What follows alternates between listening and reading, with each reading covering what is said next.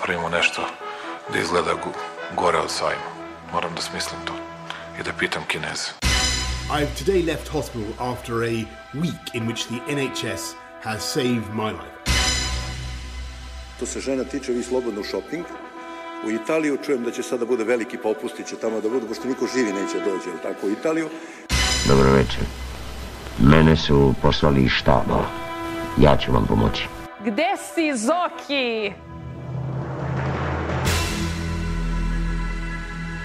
Radio Karantin Marija Belić-Bibin Jelena Viser Aleksandar Kocić Our world is interconnected and COVID-19 has brought that home. Together, we're going through the most serious and widespread health crisis in living memory. The COVID 19 pandemic is a test to us all and to our societies and systems. Visoki komesar Ujedinjenih nacija za ljudska prava Michelle Bachelet u izjavi povodom izbijanja pandemije COVID-19 upozorila je da se uporedo sa širenjem zaraze šire i rasizam, ksenofobija i diskriminacija manjinskih grupa. Ona je naglasila da je baš u ovom trenutku veoma važno očuvati ljudska prava. It is precisely in times of crisis that core human rights values can help us steer the best course. We need to come together and continue working for the common good with conviction and determination.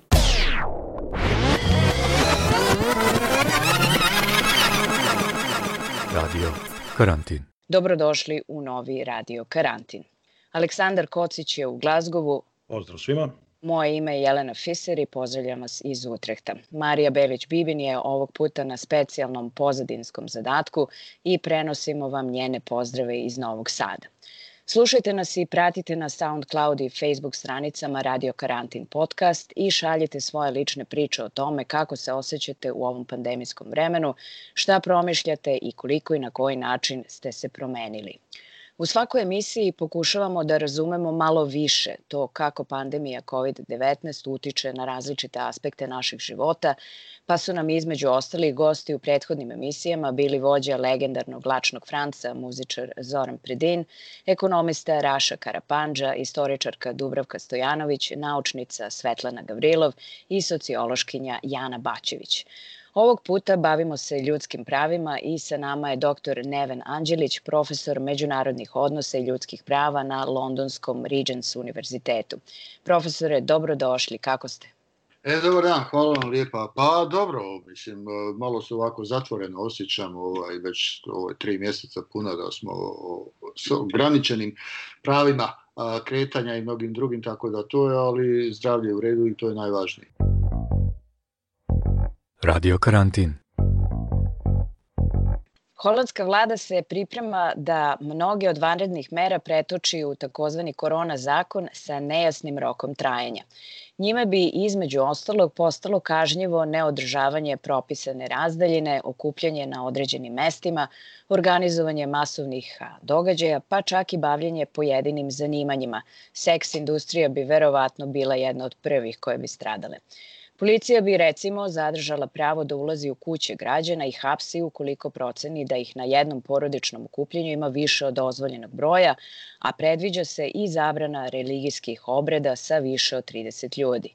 Ovaj predlog zakona, za koji se vlada nada da će stupiti na snagu u julu, naišao je međutim na oštre kritike advokatske komore, lokalnih samouprava, ombudsmana kao i opozicionih stranaka, ali i dela vladajućih partija. Kritike su da su odredbe ovog zakona u sukobu sa nekim osnovnim pravima zagarantovanih Ustavom, kao što je sloboda kretanja i okupljanja. Takođe, kritičari kažu da bi takav zakon umanjio mogućnost demokratske kontrole vlasti na lokalnom nivou i na neki način uveo centralizaciju vlasti. Holandija je jedna od najrazvijenijih zemalja u svetu sa veoma dugom demokratskom tradicijom. Pa evo i ovde slušamo o pokušajima vlasti da ograniči slobode građana i kritike da su takvi pokušaji u suprotnosti sa Ustavom. Profesore Anđeliću, koliko su visoko razvijene demokratije tokom vanrednih stanja poput ove pandemije u opasnosti od klizanja ili zastranjivanja u neke manje demokratske ili nedemokratske oblike vladavine? Ja mislim da je opasnost vrlo prisutna i očita. I sada je tu stvar nekoliko nivoa. Jedan nivo je da mi dobrovoljno želimo u stvari da nas vlasti demokratski izabrane i u tom nekom liberalnom demokratskom sistemu da uzmu neka od naših prava ne bi li nas zaštitile, ne bi li smo tu neko osnovno pravo na život sačuvali, odnosno učvrstili koliko je gotovo moguće. I tu je sada osnova nekog problema da se to tumači onda u interpretaciji ovih na vlasti je da ljudi dobrovoljno stupaju. Znači neka osnova, ona neka stara teorija društvenog ugovora o kreiranju države gdje se mi odričemo jednog dijela prava da bismo utvrdili, zaštitili drugi, drugi dio prava. U toj interpretaciji mi više nemamo mogućnost da, da, da im ukažemo, nismo se mi odrekli svega toga na jedan duži period, samo za jednu određenu situaciju.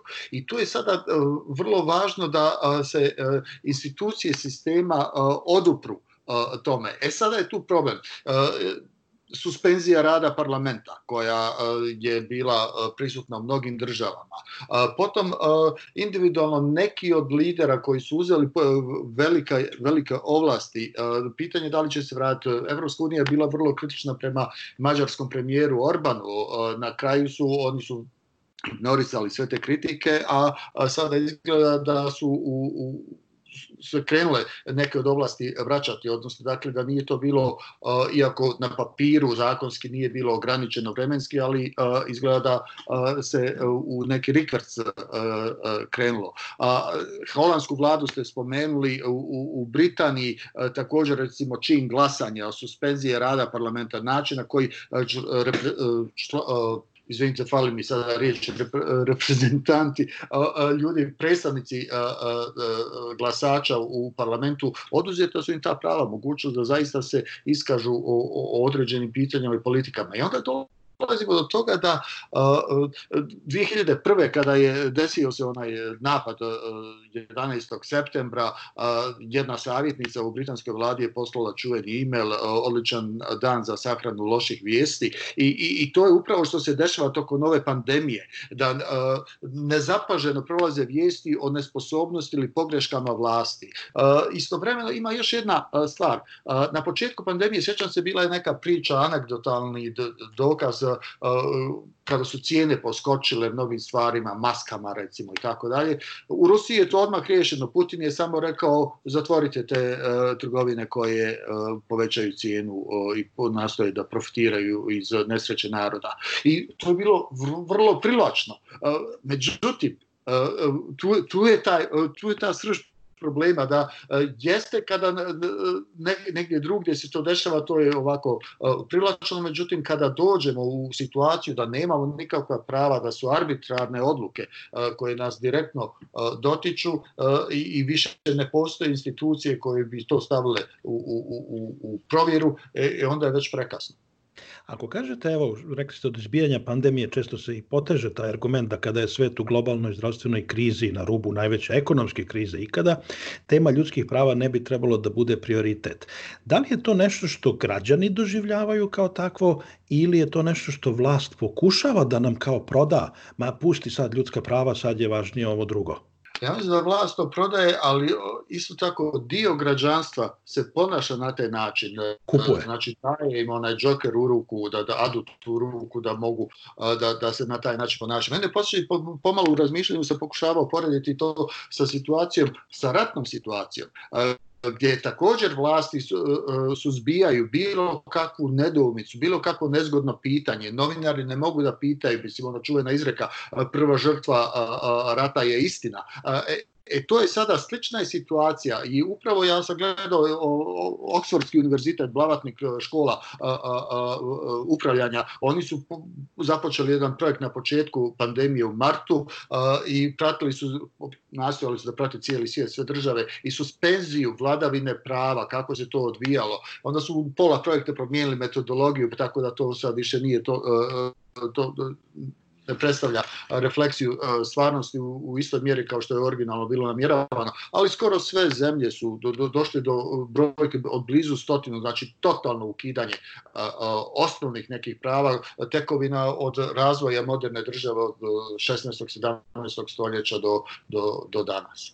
A ako je tako kao što kažete, da li to znači da država kao aparat ima prirodnu tendenciju da suzbija prava svojih građana, koja se onda samo kontroliše nezavisnim institucijama i kad god dođemo u ovako neku varednu situaciju, onda u stvari država pokazuje svoje pravo lice na abstraktnom nekom uh, primjeru mogli bismo se mogli bismo se saglasiti da je to za, zaista tako. Međutim, onda dolazimo, počeli smo razgovor sa primjerom iz uh, Holandije, uh, koja je bila prilično liberalna tokom, recimo u martu, aprilu mjesecu u, u ustanovljavanju novih politika i ograničavanju sloboda. Britanija, mislim, iz sasvim drugih razloga, ja bih rekao manje e, zbog neke ljubavi i određenja prema e, e, sistemu ljudskih prava, a više zbog nekog tog libertarijanskog pristupa vladavini i što manje ulozi države da bi se omogućio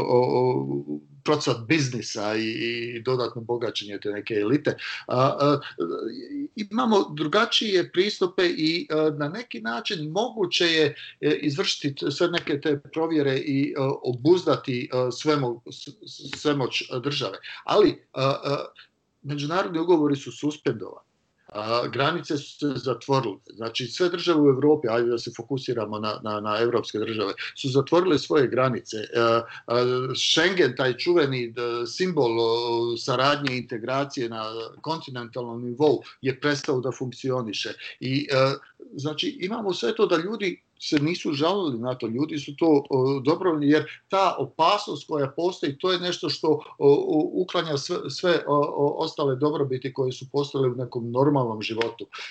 Ne može to predugo trajati, pobuna je neminovna na kraju. A koliko je teško izvući se iz tih vanrednih mera kad one jednom postanu zakon? Da vam kažem, ja mislim da otprilike, mislim, to recimo ove građane e, liberalnih političkih pogleda u Rusiji trebali bismo pitati šta oni mogu da urade. A vrlo, vrlo malo. Mogu protestovati, malo će ih se tolerisati, ali stvar je u tome da, nažalost, ja sam vrlo pesimističan prema ljudskom rodu koji prihvata snažnu vlast ukoliko ta vlast mu dozvoljava da preživi i neke male benefite uz to može da, da, da ostvari. Ignoriše se ta neka opšta solidarnost. Ignoriše se da jedna velika grupa ljudi tog istog društva ne, ne može da ostvari svoja prava, da, ne može da iskaže nesaglasnost sa nečim. I uh, ja nekako stalno imam to neko i sobstveno iskustvo, ja sam godinu dana proveo uh, u, u Sarajevu pod opsadom, uh, gdje mislim, imate prvo i osnovnu stvar da neko puca na vas uh, i, i ukoliko ste na bilo koji način kritični prema toj vlasti na teritoriju koju, na kojoj vi živite, odmah vam se ispostavi, ali vaš život je ugrožen prvenstveno od strane ovih koji opsjedaju grad. I, i, tu svaka diskusija prestaje. I trebalo je puno godina i nakon završetka rata i, i puno godina kasnije da se može ući u debatu o, osnovnim pravima i o nefunkcionisanju ili lošem funkcionisanju vlasti, koje uvijek ima uh, izgovor da neka opasnost izvana postoji. Jelena Viser Marija Belić-Bibin Aleksandar Kocić Radio Karantin U zemljama u kojima su ljudska prava ugrožena još i pre pandemije, vanredno stanje otvorilo je tamošnjim vlastima put ka skoro otvorenoj diktaturi. Na primjer, spomenuli ste Orbana u Mađarsku, on je uveo neograničenu vladavinu dekretom, Vučić je u Srbiji proglasio vanredno stanje mimo parlamenta i praktično se stavio iznad ustava. Koliko su ljudska prava dodatno ugrožena u takvim društvima? A to je, mislim, možemo ići sada na neke detalje, da recimo u, u, u Srbiji bilo, bio slučaj hapšenja novinarke a, a, zbog a, e, iskaza kritičkog suda o, o, o politici vlasti. U Turskoj, ja mislim da je oko 400 bilo ljudi koji su bili e, privedeni zbog iskazivanja nepovjerenja ili širenja glasina što su u vlasti Turskoj interpretirali ili neistina. Imamo, ja mislim da je jučer prekjučeru da je umro predsjednik Burundija koji je potpuno ignorisao ovaj pandemiju, ali je vlast bila vrlo čvrsta tamo i sa jednom drugom ideologijom su tamo se postavili čovjek je ironija je umro vjerovatno od korone. Znači, ove primjere koje ste e, naveli, e, to, to je stvar da imamo isto tako diskriminacija na, po osnovi e, životne dobi, što je u Srbiji bio slučaj, preko 65 godina ne mogu da napuste domove u Bosni i Hercegovini je bio sličan slučaj, ali zbog načina političkog sistema drugačija vlast nije bila skoncentrisana rukama jednog čovjeka, a, a malo je širi krug ljudi bio koji je e, uživao, nazovimo to tako, u, u, u svojim velikim ovlastima i, i, i u moći. Ja mislim da, da, da je to kratkoročno da, da oni mogu cementirati svoju vlast, tome u prilog govore i ovo raspisivanje izbora skorih da se iskoristi ta neka trenutačna dodatna popularnost ili odobravanje jer nije bilo previše smrtnih slučajeva, uvijek ima neki loš primjer iz liberalnih sredina gdje je smrtnost bila znatno veća, tako da na kratkom roku će se vlast legitimizirati i zadržati, na dugi rok ja mislim da pobudne su neminovne u nekom e, stadiju budućnosti e, jednostavno društvo to više ne može izdržati. A na koji način međunarodna javnost može da utiče na takva pomeranja u nedemokratskim društvima sada kada je svaka država pojedinačno okupirana rešavanjem pre svega zdravstvenih i ekonomskih, sobstvenih zdravstvenih i ekonomskih kriza? I na koji način se uopšte diplomatija i međunarodni odnosi menjaju u vanrednom stanju kao što je pandemija? Pa imate tu više primjera. Jedan je recimo na početku, ja nisam sada, ali recimo u prvih mjesec dana e, Savjet bezbjednosti Ujedinjenih nacija se uopšte nije sastajao. Znači imate jednu krovnu organizaciju globalnu e, i osnovno tijelo gdje se globalne velesile sastaju i dogovaraju o nekoj zajedničkoj policiji, oni uopšte to nisu radili. Europska unija isto bila zatečena u početku i poslije su se malo trgnuli, a, ali je situacija u tome da, da a, mnoge zemlje koje su očekivale ne, ne, neki, a, neku pomoć, neku sugestiju, neku vodilju kako da se postave prema nečemu što nije niko planirao, iz Evropske unije je to izostalo. Pojavljuju se neke druge sile, pojavljuje se Kina, pojavljuju se bogate arapske zemlje koje šalju neku simboličnu pomoć. Nedavno je bio taj absurdni detalj da je avion sa pomoći glasno najavljivan sletio u Sarajevo, ali pomoć nije bila bila za BiH, već za Crnu Goru, a što govori i, i, i, i o vlasti u, u, u Sarajevu, ali govori isto tako i, i o ambicijama malih zemalja u zaljevu koje e, sada nalaze, traže nove prijatelje, nekoga koga će zadužiti i onda njihov sistem se automatski legitimira. Niko više ne govori o neophodnosti demokratizacije, recimo, arapskih zemalja, kao što je bio slučaj 2011. E, već se sada gleda, možda postoji neki alternativni sistem i kada pogledamo zemlje koje su su recimo postkomunističke zemlje, to je takvih zemalja, ja mislim 20 preko 20 u, u, u Evropi, a, o, malo koja od njih je dos, dostegla stepen liberalne demokratije. To su neki hibridni režimi, uglavnom, pogotovo u zemljama bivše Jugoslavije. I ti hibridni režimi ne žele više da gledaju prema Evropskoj uniji kao modelu kako bi se oni formirali u budućnosti, prvenstveno jer onda ti ljudi autokrate više ne mogu zadržati vlast, već gledaju te alternativne modele arapske zemlje iz zaljeva, Rusija, Kina, to su modeli e, gdje e, nije ni malo prijatno biti manjina bilo koje vrste. To sad kad ste spomenuli, ima jedna tema koja se provlači kroz celu ovu krizu, a to je dilema da li e, autokratije bolje mogu da se nose sa ovakvom krizom od demokratije? Autokratska vlast može da efektivno sprovede politiku koju je zamislila, dok demokratska vlast ultimativno može to provesti, ali zahtjeva puno vremena u situacijama krize, vrijeme nedostaje. I onda neke prednosti možemo naći u autokratskom načinu vladavine. Radio Quarantine. Da pređemo malo na tehnologiju. Južna Koreja je prva uvela, uvela aplikaciju za mobilne telefone za praćenje kretanja ljudi zaraženih koronavirusom. Izrael se tokom pandemije takođe koristi sofisticiranim merama praćenja i nadzora kojima se inače koristi tamošnja kontrateroristička obaveštajna služba. Ljudi su recimo od vlade dobijali SMS poruke da se sklone u izolaciju jer su upravo bili u neposrednom kontaktu sa osobom zaraženom koronavirusom. Izvori kažu da podaci građana koji su prikupljeni tokom pandemije ostaju u bazi podataka vlasti. I druge države su uvele ili najavljuju pojačane mere nadzora.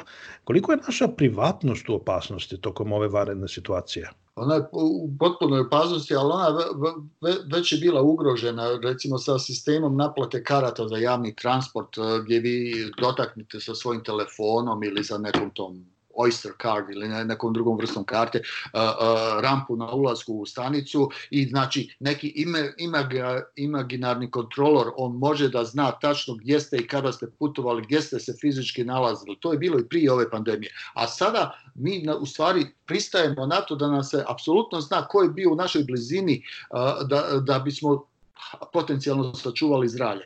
George Soros je 2019. godine u Davosu na Svjetskom ekonomskom forumu upozoravao upravo na to kada u spregu dođu režimi tipa kineskog režima, znači jedan jednopartijski režim koji kontroliše društvo apsolutno i, i nova vrhunska tehnologija koja omogućava takvom režimu da uspostavi apsolutnu kontrolu nad društvom.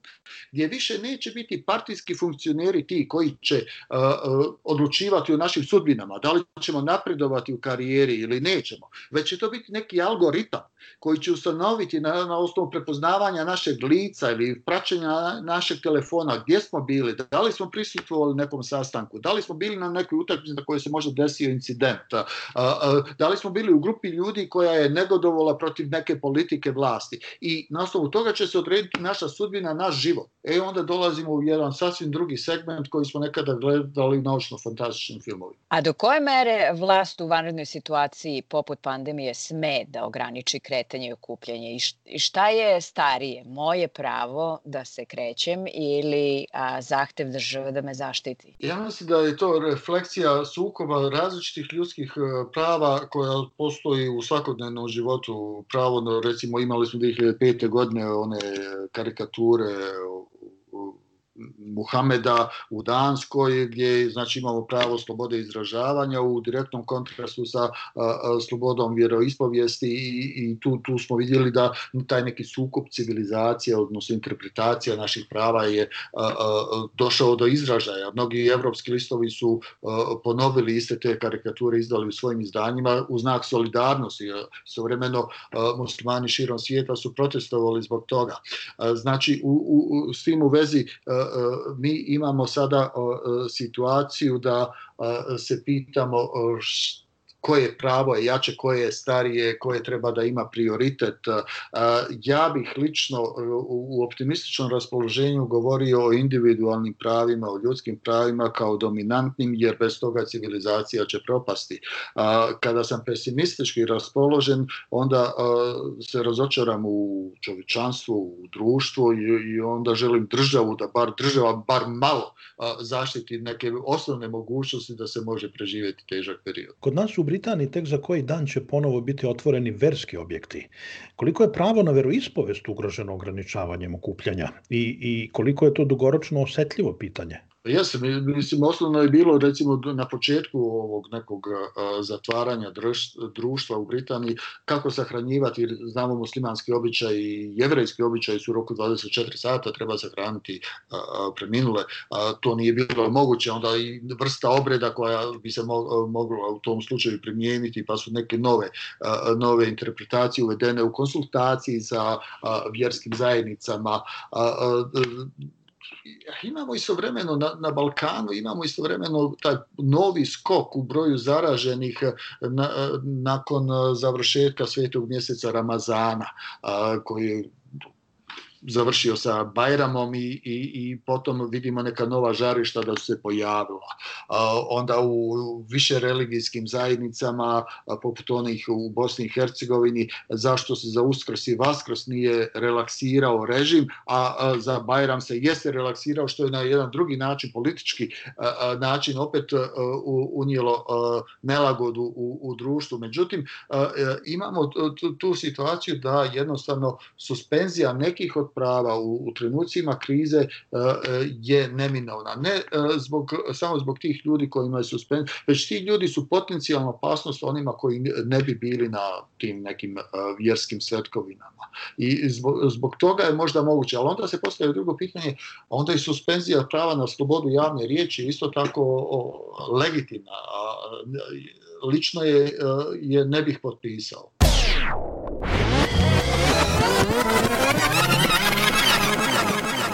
Radio Karantin. Naravno, u diskusiji o ljudskim pravima trenutno je neizbežna tema ono što se dešava u Sjedinjenim državama nakon što je policija prilikom hapšenja ubila nenauruženog crnca Georgea Floyda. Masovni protesti već danima potresaju Ameriku. Tim povodom pitao sam Aidu Hozić, profesorku političkih nauka na Državnom univerzitetu Floride, da li se ovi protesti mogu dovesti u vezu sa pandemijom. Definitivno postoji direktna veza u toliko da ima mnogo više nezaposlenih ljudi, prema tome ima mnogo više ljudi koji su bukvalno slobodni da mogu da izađu i da protestuju. Ova, ili ljudi koji rade um, od kuće pa mogu da naprave pauzu pa da izađu da protestuju što ne bi mogli tako lako sa radnog mjesta. Uh, ali postoji, ja mislim, i druga veza koja je ovaj, ono kao sociološko-psihološka, a to je da je se mnogo veći broj ljudi odjednom našao u situaciji u kojoj se osjećaju ranjivim, povredljivim, uznemirenim, preplašenim. Tako da ja mislim da je taj nivo identifikacije među, na primjer, bijelcima sa nasiljem koje se vrši na crncima u ovom trenutku veći nego što je bio ranije. E sad, ovakvih protesta povodom policijske brutalnosti bilo je i ranije, kao što je uvek bilo i protesta povodom e, nasilja u školama, odnosno masovnih ubistava. E, da li vi mislite, to je ključno sad pitanje svih pitanja, hoće li ovoga puta ovo biti neka prekretnica? To je ono što bi rekli million dollar question. Niko ne zna u ovom trenutku. Ja mislim da, da, da, da su sad su sve su ono kao sve su opcije otvorene. Um, moguće da će kongres reagovati, ali je veliko pitanje da li će senat reagovati koji je u rukama republikanaca. Ja čisto sumnjam da će oni pristati na bilo kakve velike promjene. Tako da kako i na koji način se mogu ti zahtjevi iz protesta za reformu, na primjer, policije, prevesti u neke istinske institucionalne promjene, to niko ne zna, pogotovo na federalnom nivou. A kakav je vaš utisak, ako možemo da povučemo paralelu sa a, masovnim ubistvima, gde uvek izađe hiljade i hiljade građana da protestuje protiv i da traži onaj gun control, da se uh. -huh. više kontroliše vlasništvo i posjedovanje oružja, ali s druge strane imate ogroman broj ljudi u Americi koji se tome protivi. Da li je i ovo pitanje koje deli javnost u Americi? Ili Jeste. Jeste. Iako je sada veći broj, mislim, ono, sada je veći broj te neke srednje klase bijelaca koji su na strani žrtava nasilja i više je pristalica policijske reforme nego što je bilo ranije. Da nije, da nije pandemije, da nije Trump na vlasti, da nisu izbori za 4-5 mjeseci, ovo bi verovatno završilo upravo tako kao ti protesti za nasilje, regularno nasilje i masovna ubistva. U ovoj situaciji sad to sve postaje mnogo delikatnije i daleko opasnije. Evo sad smo imali vest da je Amerika zvanično u recesiji i e, poslednje brojke pokazuju da se određeni broj ljudi vraća na posao, ali nezaposlenost je dalje rekordno visoka. Da li mislite da se zbog ove ekonomske krize izazvane pandemijom onda može očekivati da ovi protesti dobiju i socijalnu dimenziju? Pa oni već imaju socijalnu dimenziju. Mislim, zato što se u Americi rase i, i, i klasne, klasa poklapaju Tako da je ovo velikim dijelom nezadovoljstvo ljudi koji su i ovako i onako na, u soci, na, na socioekonomskoj margini.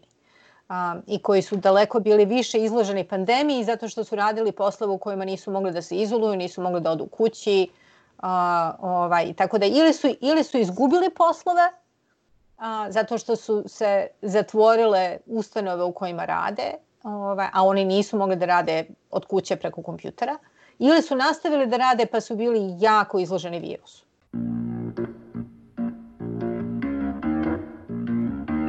Radio karantin. Čuli smo od Aide Hozić da je Black Lives Matter protest već prerastao u socijalni bunt. Vidimo i da sve veći broj država insistira, naročito u SAD, na neodložnom povratku na business as usual.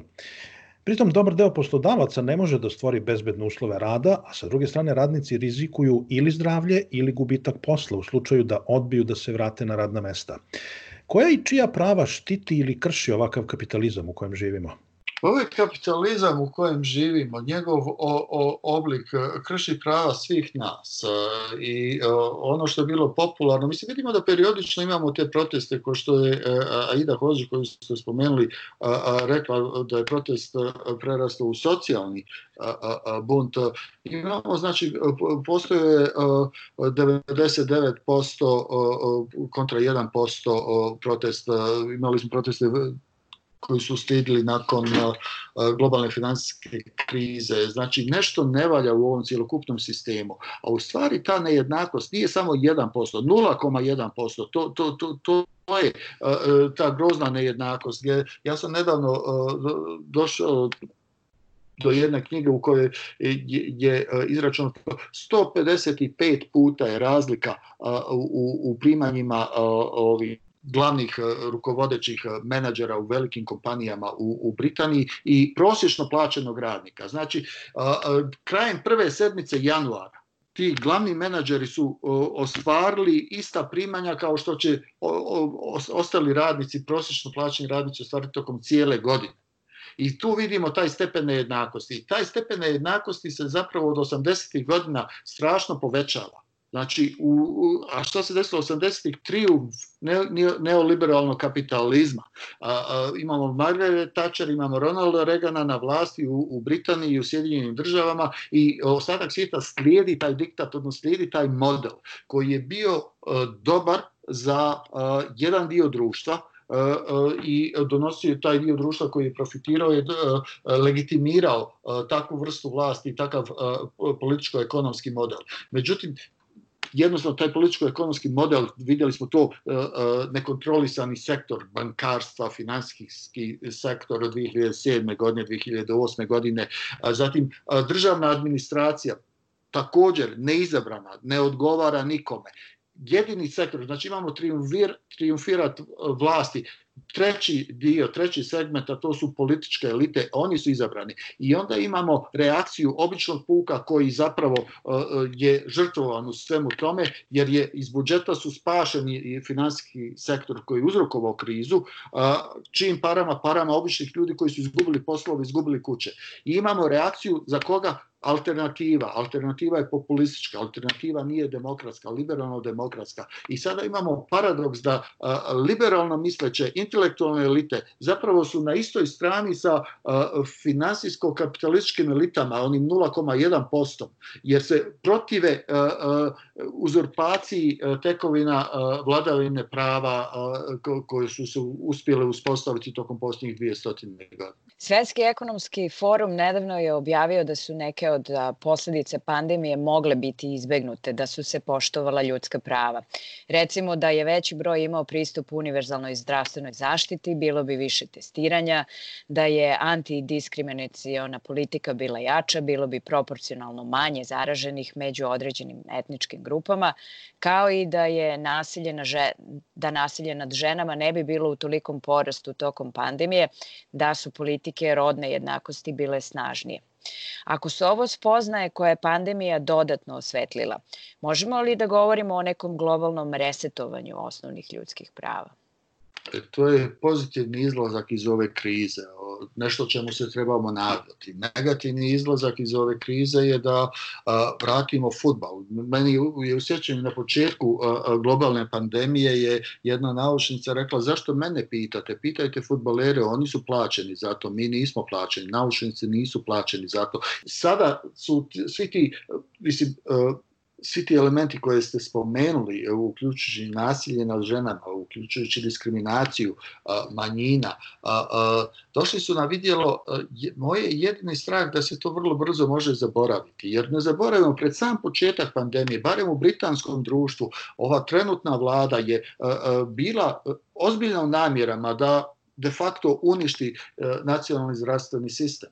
Sada se ispostavilo da jednostavno nacija bi nestala bez tog e, zdravstvenog sistema, da to nije moguće, ne da nije mudro, nego da nije ni moguće i da moraju nešto raditi, da moraju investirati u taj sistem. E, e, znači, na neki način ovo resetovanje što ste spomenuli, ja mislim da će se desiti, ali bojim se da neće u punom obliku u kojem bi trebalo.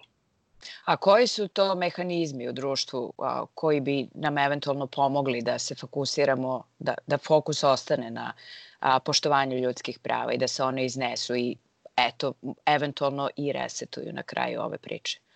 A tu imamo a, a, strašnu važnost medija.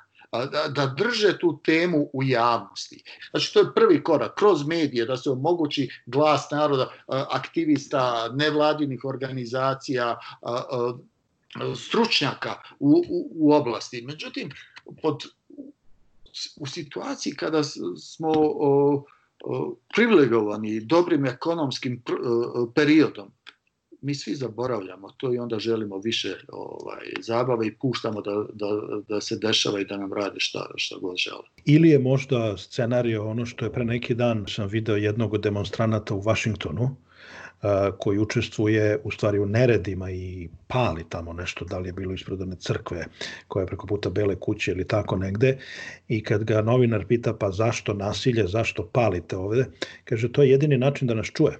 Kad mi izađemo mirno da demonstriramo, on nas ne čuje. Ovako će da nas čuje. To je tačno. Apsolutno se slažem. U, u Bristolu su nasilno uklonili statu rasiste iz, iz prošlosti i to je osuđeno, to je vandalizam, međutim da to nije urađeno. Ne bi sva diskusija trenutno u Londonu debata koje e, statue treba ukloniti, koje treba i ostati. Znači ne bi se ništa desilo. U Oxfordu je bio veliki protest, studenti traže uklanjanje a, a, imperialiste iz, iz doba kraljice Viktorije, uklanjanje statue e, sa univerziteta. Znači bez elementa anarhizma, nasilja, nažalost, elite su navikle da mogu jednostavno da ignorišu, da, da, da tolerišu nekoliko dana protest, da tolerišu temu prisutnu u javnosti nekoliko dana ili sedmica, sve će to polako se zaobići, doći će neka nova tema i oni će opstati bez ikakvih uh, suštinskih uh, sistemskih promjena. To je slučaj, eto, u tim razvijenim demokratijama, u razvijenim državama, neka vrsta anarhizma, vandalizma koja se koristi, znači u sistemima koji imaju te a, relativno jake mehanizme kao što su mediji i civilni sektor. Šta onda preostaje a, društvima u ovim nerazvijenim demokratijama ili nedemokratskim društvima, kojim sredstvima oni mogu da se posluže na kraju da bi zaštitili svoje prava ili obezbedili određena prava. U društvima sa manje razvijenim demokratskim sistemima prioriteti su pomoćeni i, i, i e, neka identitetska politika je prvenstveni razlog da se bira jedna ili druga partija. I e, s tim u vezi retorika koja se upotrebljava u izbornim kampanjama nije retorika o, o poboljšanju o, ekonomskih prilika ili društvenih prilika u društvu, već je retorika o, o, suzbijanju potencijalnih neprijatelja, uklanjanju njih iz društva ili iz okoline. Na koji način sada recept neke, to je taj problem što recept ne postoji. Obrazovanje bi trebalo da bude recept, ja mislim da je tu u velikoj mjeri negativan ciklus koji je pokrenut sa padom komunizma u svim postkomunističkim zemljama obrazovanje je bilo razvijeno. Sada imamo jedna opština blizu Sarajeva, prigradska opština Trnovo, ima preko 10% nepismenih. To nije postojalo u, komunizmu. Ja ne zagovaram komunizam kao politički model, već želim da naglasim da sistem, obrazovni sistem u tim društvima je bio uspostavljen. On je uništen bezrazložno nije modifikovan da bi se prilagodio novom političkom sistemu i sada imamo mogućnost manipulacije ljudima bez dovoljnog znanja da odluče zaista šta je najbolje za njih same, a konsekventno i za cijelo društvo. Bio je ovo još jedan podcast Radio Karantin. Jelena Fiser i Aleksandar Kocić, pozdrav, kao i uvek čuvajte zdravlje, perite ruke i držite se na bezbednoj udaljenosti od drugih, ali solidarno.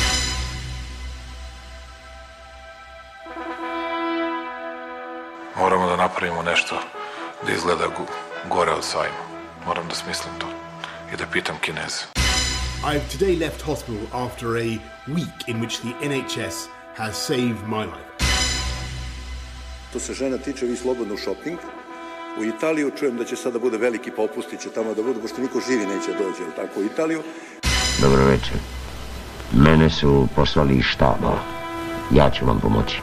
Gde si, Zoki? Radio Karantin. Marija Belić-Bibin Jelena Viser Aleksandar Kocić